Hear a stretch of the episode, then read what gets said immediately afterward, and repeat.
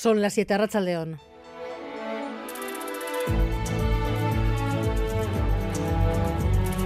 Gambara con Arancha García. La plana mayor del gobierno Netanyahu está reunida a esta hora para elaborar una respuesta en la sentencia mañana del Tribunal de la Haya por las acusaciones de genocidio de Sudáfrica.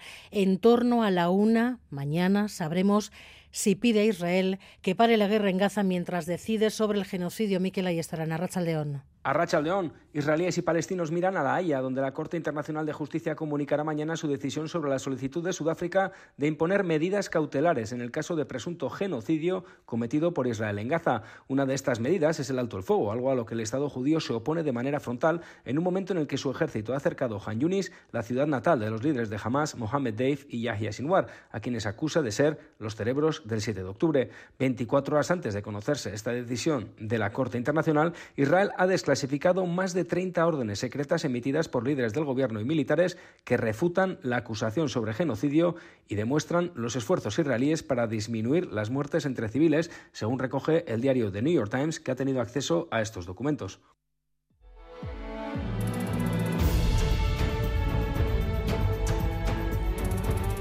EH Bildu facilitará los primeros presupuestos de la alcaldesa socialista Maider Echevarría. Acuerdo en Gasteiz con PSE y PNV para Rocío Vitero, una apuesta por la estabilidad. Es cierto que hemos visto en las últimas semanas y sobre todo en las últimas horas un cambio de voluntad por parte del gobierno municipal, del PSE y del PNV. Lo agradecemos porque sabemos que este acuerdo es un acuerdo en positivo. Socialistas y gelzales resaltan que desde posiciones flexibles se puede llegar a acuerdos, aunque aclaran no hay, no va a haber socios preferentes. Este equipo de gobierno no tiene ningún tipo de socio preferente. La legislatura pasada, el Carrequín Podemos quiso ser un colaborador de los presupuestos anteriores. Bueno, ahora ha querido ser eh, Bildu el que se ha sumado. Al principio de la legislatura hemos acordado con el Partido Popular, es decir, aquí no hay socios preferentes.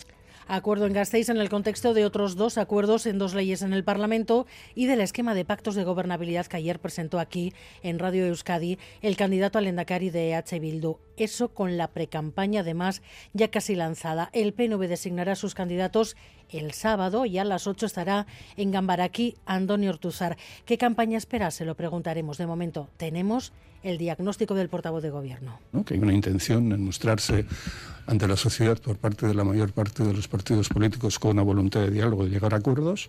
Por debajo es evidente que hay toda una serie de movimientos sociales activados, perfectamente organizados, que son los que van a hacer el trabajo sucio, y más abajo todavía hay todo un mare magnum de redes sociales y movimientos anónimos que son los que se van a encargar de la zaborra. El PP lleva semanas evitando pronunciarse sobre las publicaciones que mantienen que el gobierno Rajoy estaba al tanto de la fabricación de informaciones falsas para desacreditar a políticos catalanes. Hasta hoy, Isabel Díaz Ayuso, en Cataluña Radio. Yo no estoy a favor de inventarse absolutamente nada y faltar a la verdad. Pero todo lo que sea herramientas por parte del Estado para protegerse, me parece bien. El juez García Castellón, entre tanto, vuelve a buscar grietas en la ley de amnistía. Suma a la causa por presunto terrorismo contra Puigdemont y los CDRs las lesiones sufridas por dos policías diciendo que hubo ánimo homicida y sarobaza. Sí, su nuevo auto, el nuevo auto del juez García Castellón podría dejar fuera de la amnistía a Puigdemont. Las últimas enmiendas a la ley de amnistía abrían la puerta a amnistiar delitos de terrorismo siempre y cuando no se hayan vulnerado los derechos humanos, pues en su último auto el juez de la Audiencia Nacional ve vulneración de derechos humanos en las protestas del Tsunami Democratic, cita incluso las lesiones a dos policías. De comprobarse que esto es así, ni el expresidente Puigdemont ni los CDR podrían beneficiarse de la medida de gracia. Primer sí, sobre las elecciones gallegas, el partido Popular en riesgo de perder la mayoría absoluta. El juicio por la paliza brutal de Sornoza ha quedado visto para sentencia. La abogada de la familia de Alexandro pide la, la pena máxima para los acusados porque defiende que actuaban como una banda organizada. Entendemos que, que la única condena permanente y no revisable que va a haber aquí hoy a una muerte en vida es la sentencia firme que los procesados dictaron contra él. Las expectativas de los jóvenes mejoran. Conclusión del último informe del Gobierno vasco y el Consejo Vasco de la Juventud. Valoran mejor que hace un año el momento presente, su satisfacción personal, incluso las perspectivas laborales. Los datos económicos acompañan, cuentan con la tasa de desempleo más baja desde 2008. Bai, konfidenza auki bar dugu, ze bestela ez dugu e, zer egingo. Nivel de confianza, ahora mismo poco. 100%, a tope con todo. Está bien, está bien, esta generación. Como se esperaba, los tipos de interés siguen sin tocarse. El BCE los ha dejado hoy en el 4,5, mientras la firma de hipotecas sigue bajando. Cada vez se compran menos pisos. Edu García, los deportes, Arracha León. ¿Qué tal, Arracha León? Lo que no sabemos es si los aficionados del Athletic y la Real ya estarán comprando billetes hacia Sevilla o, qué? Están buscando seguro, porque ya hay una locura y una fiebre por la opción de estar en la final de la Copa y por la posibilidad que tenemos además de ver a los dos clasificados para esa final. Habrá que esperar a que mañana a la una el sorteo sea amable o no, depende quién, quién lo mire, eh, y para saber quiénes van a ser los rivales. Hoy conoceremos, por cierto, al último equipo clasificado para semis. Atlético Madrid y Sevilla juegan a partir de, de, las 9. Pero así una primera estimación, una primera revisión a cómo están las cosas por la capital andaluza. Los vuelos a día de hoy están en torno a los 300 euros para ese 6 de abril, para, el 5, el sábado, el día anterior al, al partido. Y en los precios de las habitaciones, eh, en hoteles, en apartamentos, empiezan a rondar ya los 700 euros la noche. Así que no va a ser barato. Y eh, en Sevilla están empiezan a frotarse un poco las manos también los hosteleros por la opción de que eh, uno de los dos o los dos equipos vascos estén en esa final. Mañana lo sabremos. Hoy es día de resaca, evidentemente, tanto en Bilbao, sobre todo en Bilbao, después de lo que pasó ayer en el partido en, en San Mamés y de esa clasificación brillante del conjunto bilbaíno para las semis. Y en San Sebastián se ha presentado a Javi Galán oficialmente ya como jugador de la Real y ha reconocido que está para saltar campo. Ha firmado el contrato y el viernes jugará, el sábado jugará, perdón, eh, contra el Rayo porque no hay más laterales izquierdos, así que le va a tocar estar en ese, en ese partido. Y eh, aunque están un poco ajenos a esos trajines. Mañana tenemos también partidos para el Deportivo Alavés muy importante en Liga en Almería ante el colista. En caso de ganar, eh, dejará ya un rival descartado en la pelea por la permanencia. Y para el Eibar en segunda división va a recibir en Ipurú al Mirandés. Esto será mañana a las ocho y media de la tarde.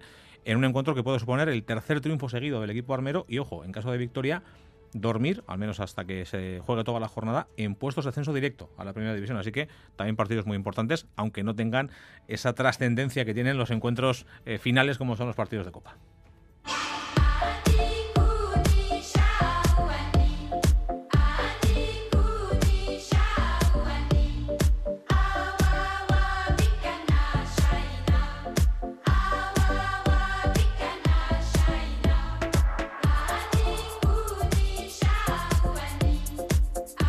La contra para una broma que podía haber salido muy cara, Xavier Madariaga.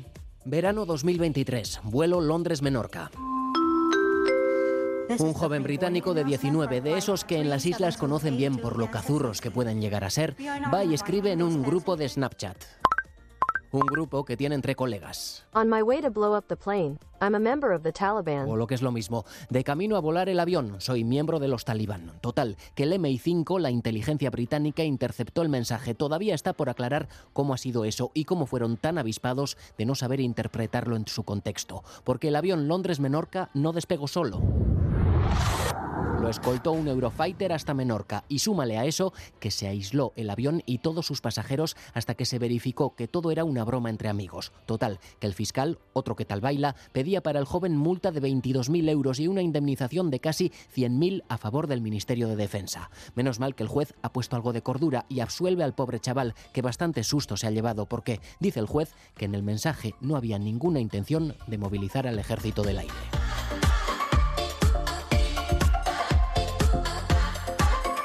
Miguel Ortega y Alberto Sobel ya están en la dirección técnica, Cristina Vázquez en la producción.